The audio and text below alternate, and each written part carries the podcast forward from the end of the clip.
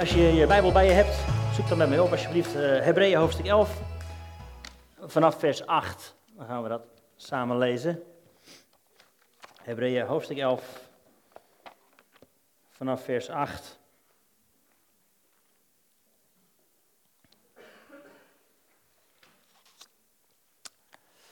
We zijn bezig met uh, het jaarthema wat je hier op de banner ziet staan. Hebreeën 12, vers 1 en 2. En daar staat, op de banner zit hij een beetje ingekort, anders was het wel heel veel tekst. Ik pak er even bij. Even zien. Wel nu, laten ook wij, nu we door zo'n menigte van getuigen omringd worden, afleggen alle last en zonde die ons zo gemakkelijk verstrikt. En laten wij met volharding de wedloop lopen die voor ons ligt. Terwijl we het oog gericht houden op Jezus, de leidsman en voleinder van ons geloof. Hij heeft om de vreugde die hem in het vooruitzicht was gesteld, het kruis verdragen en de schande veracht. En nu zit hij aan de rechterhand van de troon van God. Dat is ons jaarthema.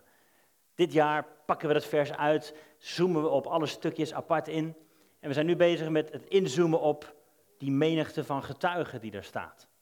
En dat slaat op Hebreeën 11. De afgelopen paar weken hebben we al een paar van die geloofshelden, zoals wij ze genoemd, hebben eruit gelicht, hebben gekeken naar, naar Henoch.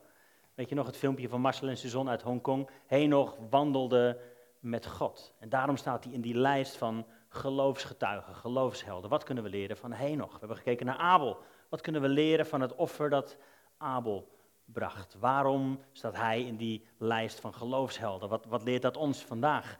Jefta dan, vorige week, heeft Kors naar gekeken. Jefta, ook zo'n verhaal, het richter. waarom staat hij in die lijst van geloofshelden, geloofsgetuigen?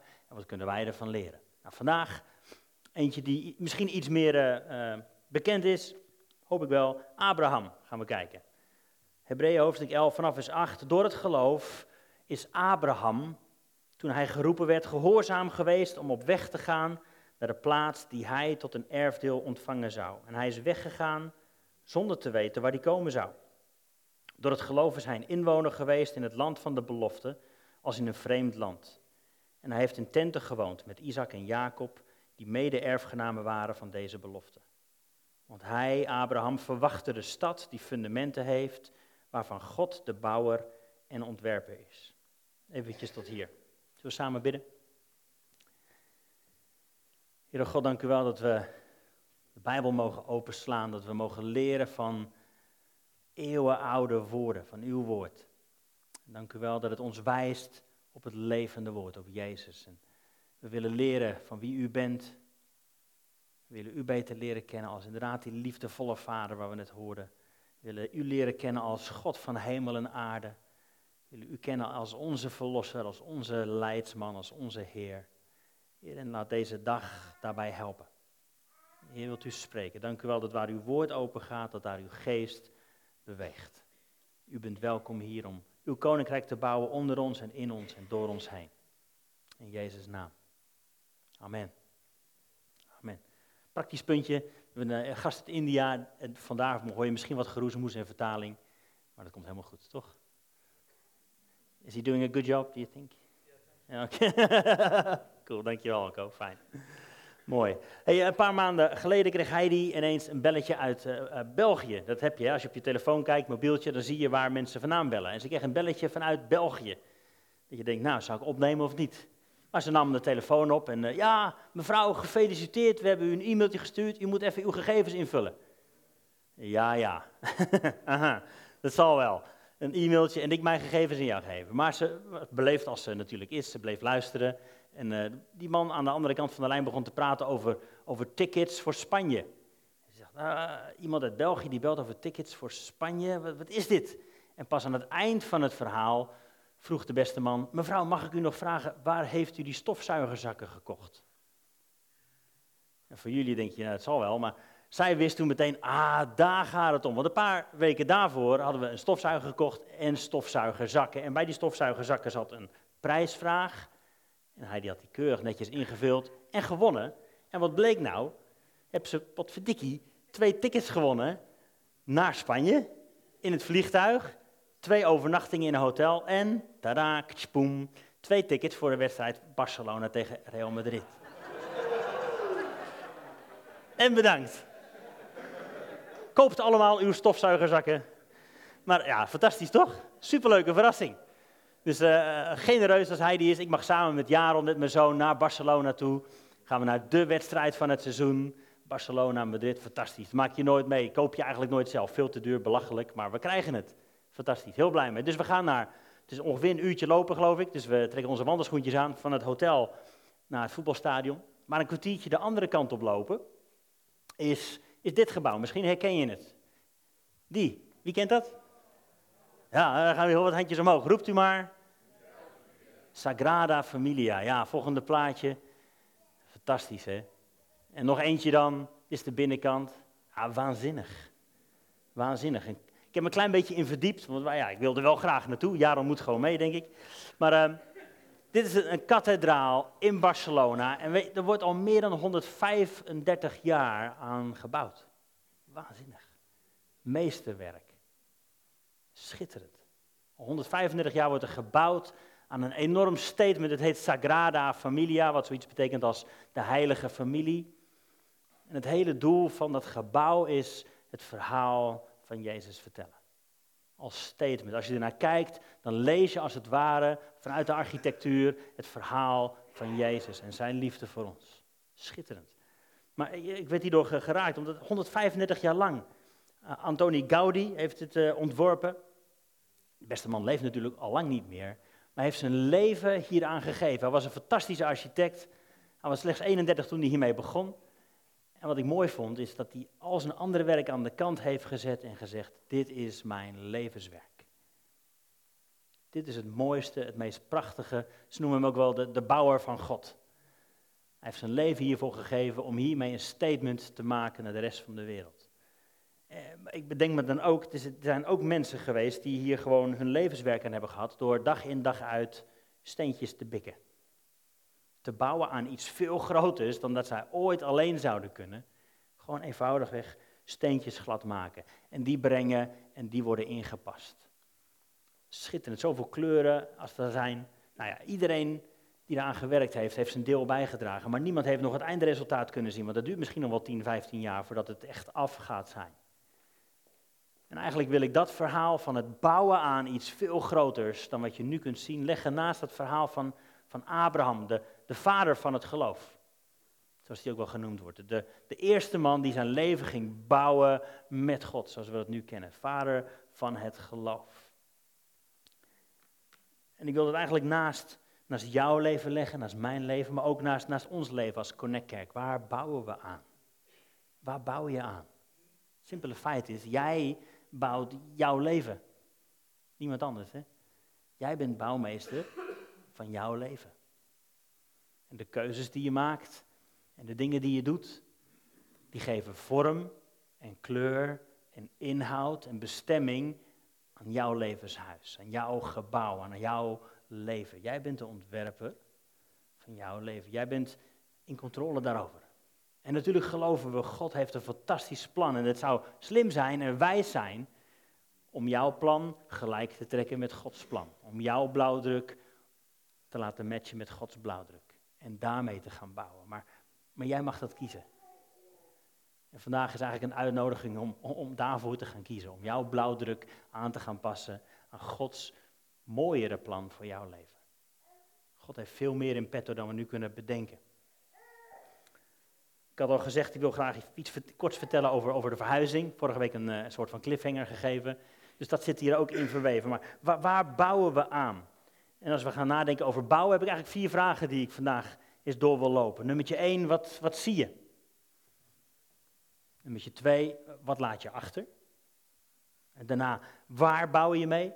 En als laatste, waar leidt het toe? Vier vragen die ons een beetje door deze reis meenemen. Dus nummertje één, we gaan ze gewoon eens langs. Waar bouw je leven? Wat, wat zie je? Want bouwen heeft natuurlijk alles te maken met wat je ziet.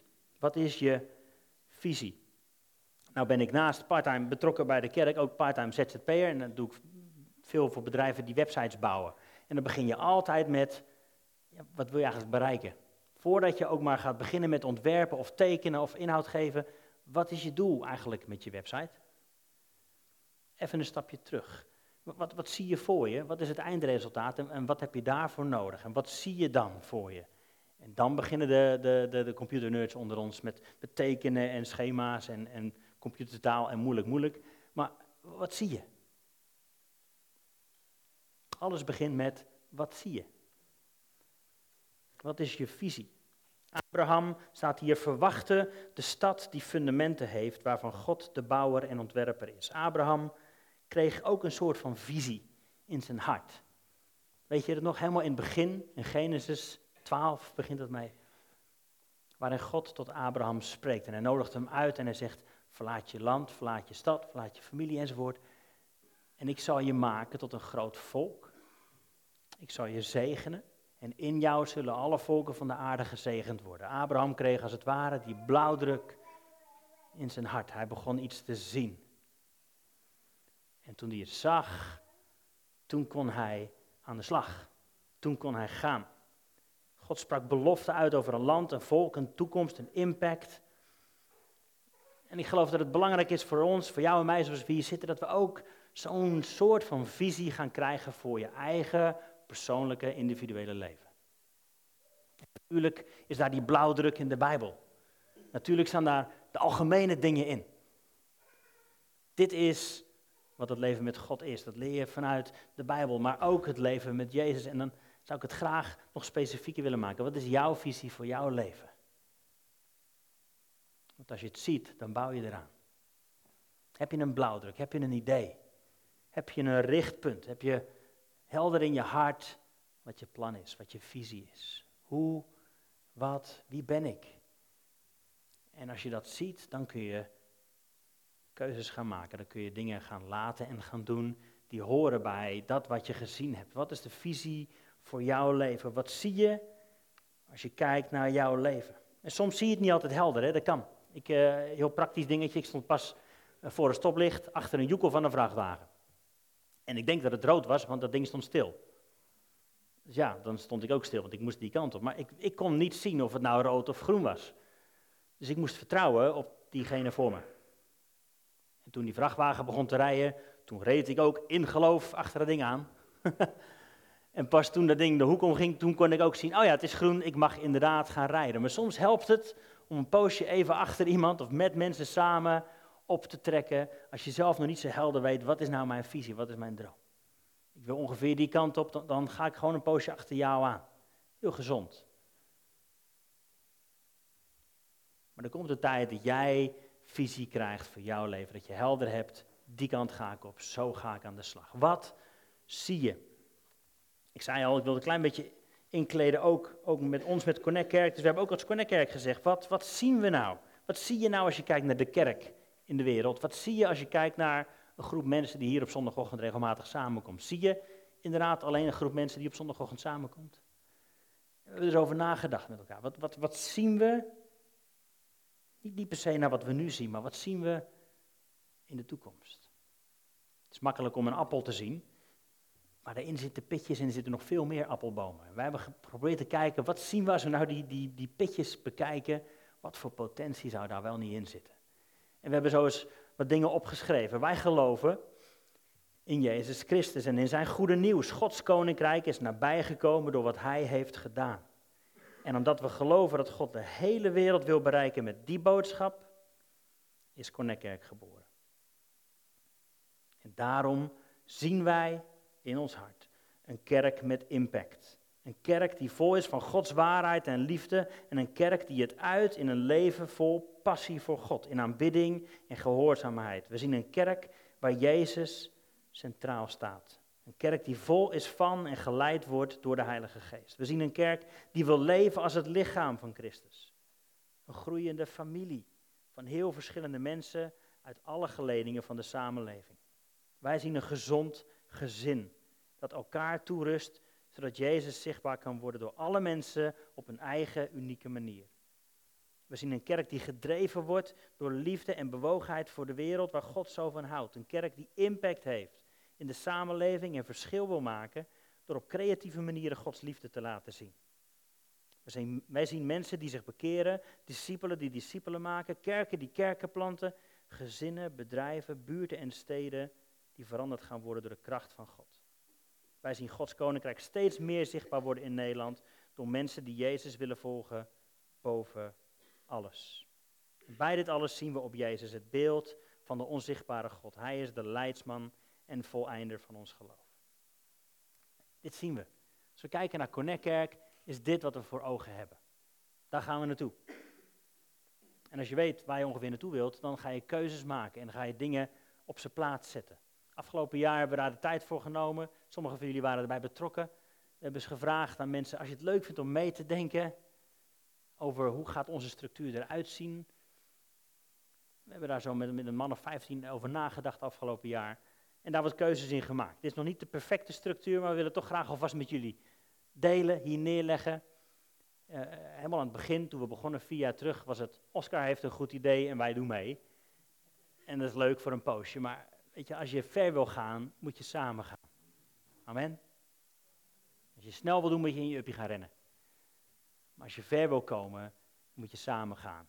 En ergens heb ik besloten, weet je, ik wil graag dat mijn kleinkinderen in deze kerk getrouwd worden. En gaan uh, gedoopt worden en een toekomst gaan bouwen. Ik wil dat het een lange termijn ding gaat worden. En daarom willen we samen optrekken. Dus we hebben nagedacht over de structuur. En nou, misschien kun je hem laten zien. We pas alles gedeeld. Er zijn diverse teams in Connect Kerk. Wij zijn met z'n allen één grote club, één groep mensen.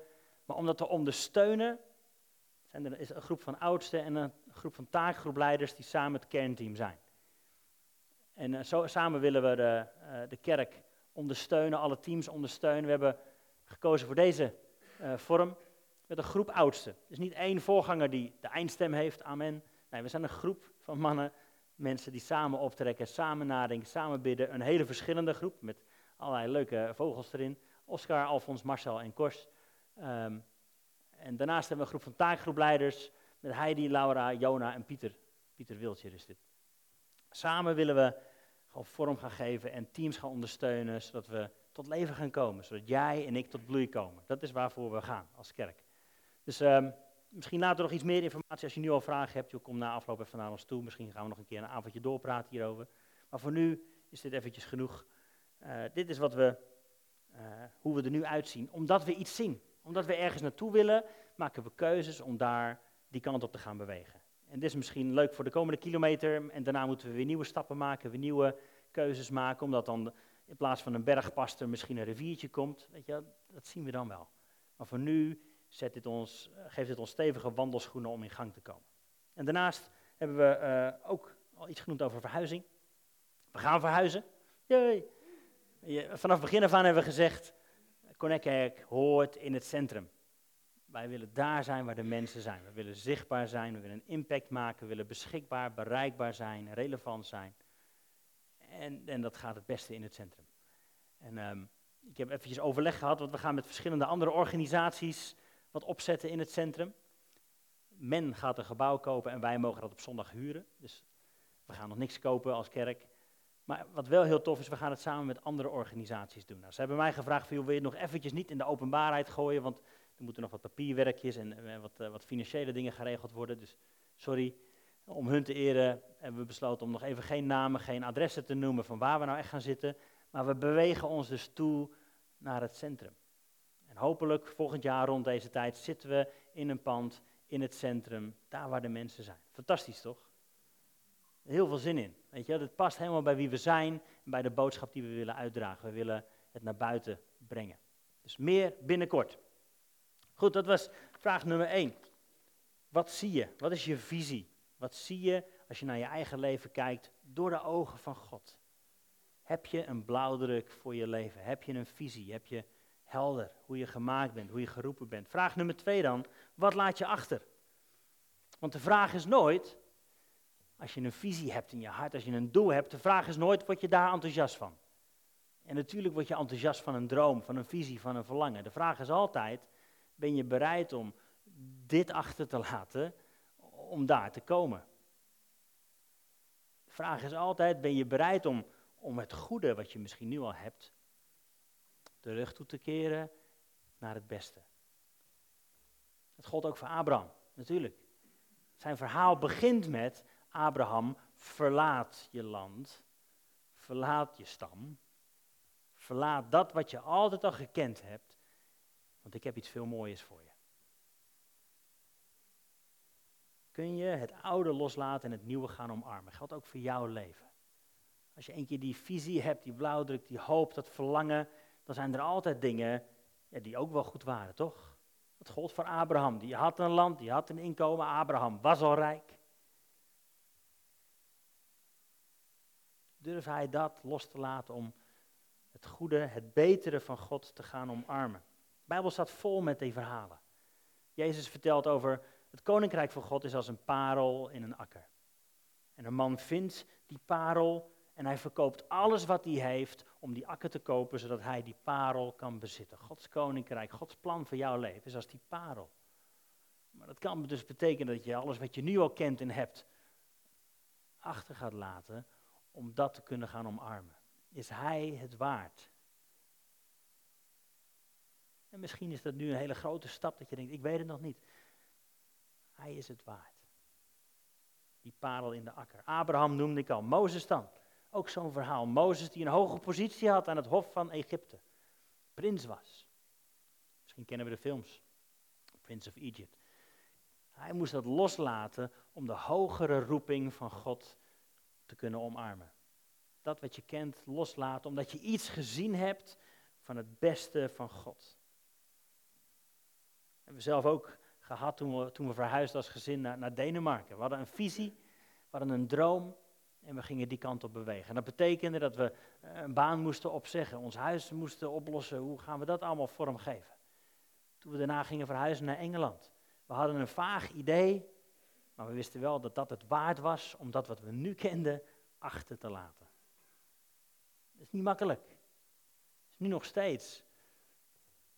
Dat kan gevolgen hebben, financiële gevolgen, relationele gevolgen.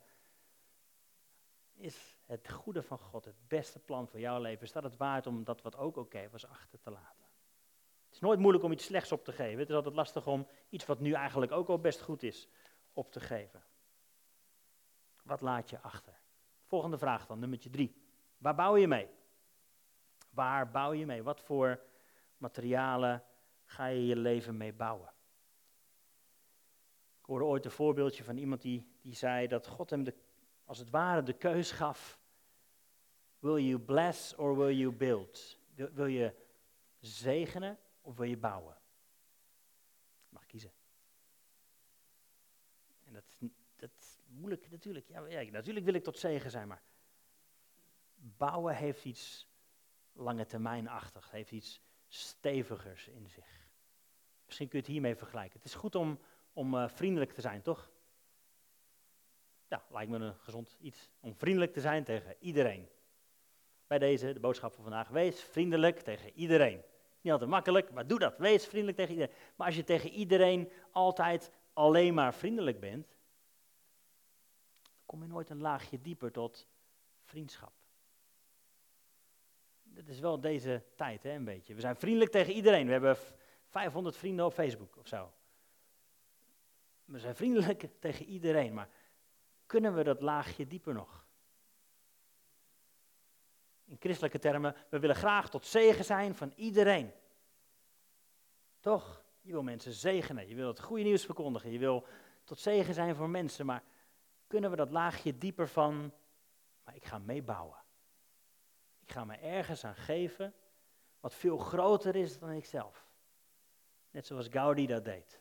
Hij wist toen hij daaraan begon, met die Sagrada Familia, ik ga nooit zien dat het afkomt. En toch is het me alles waard om hieraan te bouwen. Zie je ook in Hebreeën 11 terugkomen. Hè? Van al die geloofshelden. Ze hebben nooit het einddoel echt helemaal gezien.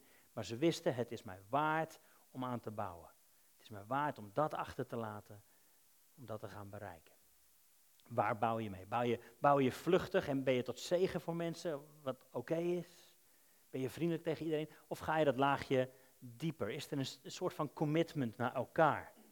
Is er een soort van commitment naar iets wat groter is dan jezelf, zodat je een doel wat groter is dan jezelf kunt bereiken? Wil je zegenen of wil je mee bouwen? En waar bouw je dan mee? Ik moest denken aan, uh, aan de drie biggetjes, ken je allemaal wel hè? De drie biggetjes. De eerste bouwden ze huisje van stro, hooi. De tweede van hout en de derde van steen. Nou, de Bijbel kent ook zo'n verhaal natuurlijk. Paulus die heeft het over, waar, waar bouw je mee? Op het fundament van Jezus. En ik hoop dat je dat fundament in je leven hebt. Niemand kan een ander fundament leggen dan wat gelegd is. Dat in 1 Korinthe 3. Dat is Jezus Christus. En of iemand nu bouwt op dit fundament met goud, of zilver, of edelstenen, of met hout, hooi of stro, ieders werk zal openbaar worden. De dag zal het namelijk duidelijk maken, omdat hij in het vuur verschijnt. En hoe ieders werk is, zal het vuur beproeven. Waar bouw je mee? Bouw je iets wat vluchtig is en snel voorbij is, of wil je bouwen met materialen die lang meegaan? Wil je bouwen aan relaties die lang meegaan? Wil je bouwen aan, nou, in ons geval wil je bouwen aan een kerk die lang meegaat en een impact heeft die groter is dan je zelf zou kunnen hebben? Bouw aan iets wat meegaat, wat waarde heeft tot een eeuwigheid. Waar bouw je mee? Vraag nummer vier dan, de laatste. Waar leidt het toe? Wat heb je gezien? Heb je die visie in je hart? Heb je al een doel en een droom? En, waar leidt dat dan toe? Wat, wat is dan je actiepunt? Natuurlijk wil je resultaat zien. Kan me dat helemaal voorstellen. Gaudi was niet alleen verliefd op zijn tekeningen van Sagrada Familia, hij wilde aan de slag. Hij wilde met mensen werken, met stenen werken, hij wilde resultaat gaan zien. En hoe ziet dat er voor jou en mij uit? Wat is het resultaat van wat je gezien hebt? Ik wil eens twee teksten naast elkaar leggen. Eentje van Abraham en eentje die ook over ons gaat. In Genesis 15 zegt God tegen Abraham, kom mee naar buiten. En hij zei, kijk naar de hemel en tel de sterren als je ze al kunt tellen. En hij zei, zo talrijk zal je nageslacht zijn. En Abraham geloofde in de Heer en hij rekende het hem tot gerechtigheid. Heel bekend stukje. Tel de sterren in de nacht, zo groot wordt je nageslacht. Liedjes kennen we. God zei, kijk naar boven. Ontvang die droom, die visie die ik voor je leven heb. Kijk naar boven. Je blik niet alleen op hier, op wat je nu ziet, ontvang dat wat God voor jou gedroomd heeft. Kijk niet alleen naar je eigen mogelijkheden. Ja, dit zijn mijn talenten. Nou, dan zal dit mijn doel wel zijn. Nee, God heeft een veel groter, hoger, beter, mooier doel voor jouw leven. Maar daarna, in Handelingen, een ander soort tekst. Handelingen 1, vers 10. En toen zij, dan gaat het over de discipelen, terwijl hij van hen wegging, hun ogen naar de hemel gericht hielden. Dit gaat over Jezus die opgenomen wordt in de hemel. Hij is gestorven en weer opgestaan uit de dood. En hij zei, binnenkort ontvang je de Heilige Geest, ik ga. En ze hielden hun ogen naar de hemel gericht. Zie, twee mannen stonden bij hen in witte kleding. En ze zeiden, Galileese mannen, waarom staat u nog omhoog te kijken naar de hemel? Deze Jezus, die van u is opgenomen naar de hemel, zal op dezelfde manier terugkomen als u hem hebt zien gaan. Ja, er is een tijd dat God tegen je zegt, kijk naar boven, ontvang mijn visie voor je leven. Ga leren hoe ik je zie, hoe ik jouw toekomst voor ogen heb. Maar dan is er ook een tijd dat God misschien heel zachtjes tegen je zegt, ben je klaar met naar boven kijken? Aan de slag. We gaan aan de slag, mensen. Kom op. Ja, je hebt die visie ontvangen van God, maar daarna, hoe werk je dat uit hier en nu? Aan de slag. En heel praktisch, ik vond het zo'n mooi stukje toen ik dat pas weer las. In 1 Johannes 4. Er staat, geliefde, als God ons zo lief had. Als God ons zo lief had. En alles in onze westers denken zegt, dan moeten wij God ook zo lief hebben. Voor wat hoort wat, toch? Als God ons lief heeft, moeten wij Hem lief hebben. Dat is, dat is alle logica die we kennen, gaat op die manier. Als, als God ons lief heeft, moeten wij. Nee, dat staat er niet. Als God ons zo lief had, moeten we ook elkaar lief hebben. Dat wat je van God ontvangen hebt, maak je praktisch naar de mensen om je heen. De droom die je van God ontvangen hebt, maak je praktisch hier en nu. Dat is een van de redenen waarom we visie hebben voor zo'n plek in het centrum. Dat wat, de droom die we van God gehad hebben, de boodschap dat God van mensen houdt, willen we hier en nu vorm gaan geven. Wat is het, waar leidt het toe dat wat je gezien hebt? de laatste praktische oproep in 1 Korinthe 15. Paulus heeft het er net gehad over, omdat de dood is overwonnen, omdat we eeuwig zullen leven, omdat we een nieuw lichaam krijgen, omdat we overwinnaars zijn. Hij heeft een enorm, enorm visie gemaakt daar zo. De overwinning van Jezus. En dan zegt hij, daarom, mijn geliefde broeders en zusters, wees standvastig, onwankelbaar en altijd overvloedig in het werk van de Heer, in de wetenschap dat uw inspanning niet te vergeefs is. Hoe makkelijk is het om je alleen maar te richten op het hemelse? Ik en God, wij samen hebben het goed. Amen. Nee, zegt hij, wees daarom, omdat de overwinning is behaald, omdat je een nieuw lichaam krijgt, omdat je eeuwig zult leven, wees daarom nu overvloedig in het werk van de Heer. Get on with it. Aan de slag. Alles wat je nodig hebt, heb je van Hem gekregen. Bouw je leven. Bouw je leven. Wat zie je? Wat laat je achter? Waar bouw je mee? En waar leidt het toe? Ik geloof dat een van die vier vragen van toepassing is voor waar jij nu staat, je relatie met God. Misschien, misschien ben je bezig met, ik heb het nog helemaal niet zo helder eigenlijk, wat God van me vindt. En, en of, of ik een doel met mijn leven heb, of Hij wel een doel met mijn leven heeft. Laat vandaag dan een antwoord zijn voor jou, ja, God heeft een visie voor je leven. Hij heeft een blauwdruk en een plan voor jouw leven. Toen Hij je vormde in de moederschoot, heeft Hij dat in je gelegd. Ik heb een plan voor jouw leven. Ik weet waar je goed in bent. Ik weet waar je voor gemaakt bent. Laat, laat dit een tijd zijn waarin je dat gaat ontdekken. Waarin, waarin God misschien profetische woorden door andere mensen gaat spreken.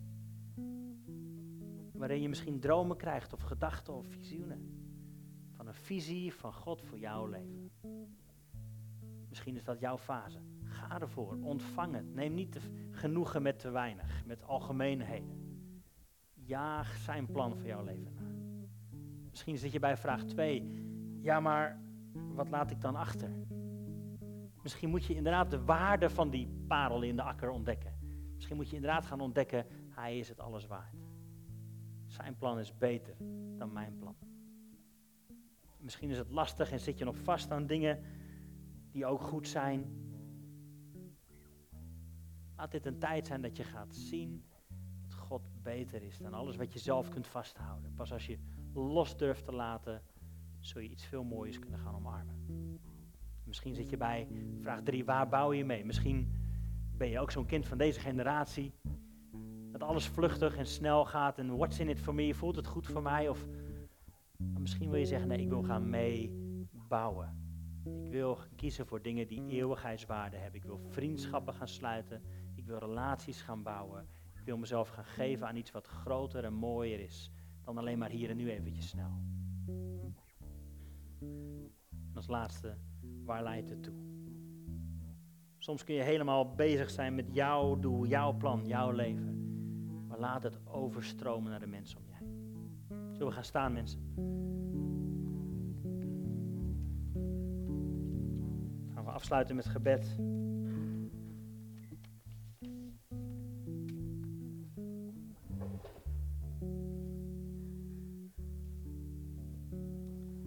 eenvoudig onze ogen sluiten, onze handen opheffen. En zeggen, Heer Jezus, hier zijn we. Heer, alles wat we nodig hebben is in U. U heeft ons gemaakt. U kent ons als geen ander. We willen gewoon weer terugkomen bij U.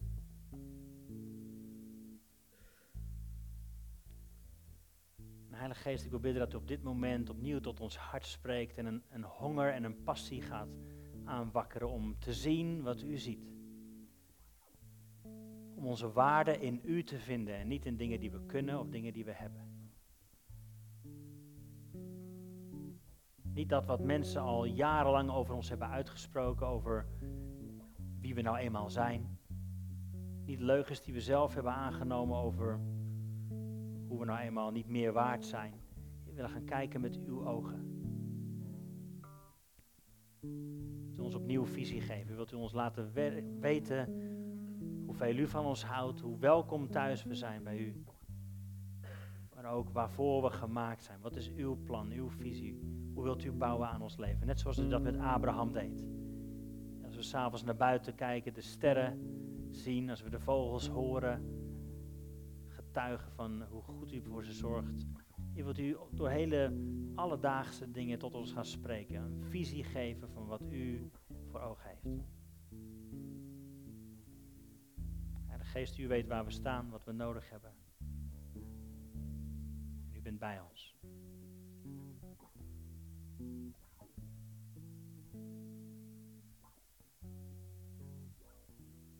Er straks ook tijd voor nemen om, om met je te bidden. Als je nog niet zo goed weet waar je staat, als je door vragen heen moet worstelen, willen we dat graag samen met je doen. Hier komt straks een gebedsteam voor aanstaan. Neem de tijd ervoor. Neem het serieus. Ren niet zomaar weer weg. Doe niet alleen vluchtig, maar ga er diepte in. Hij is het waard. Amen. We afsluiten met een lied.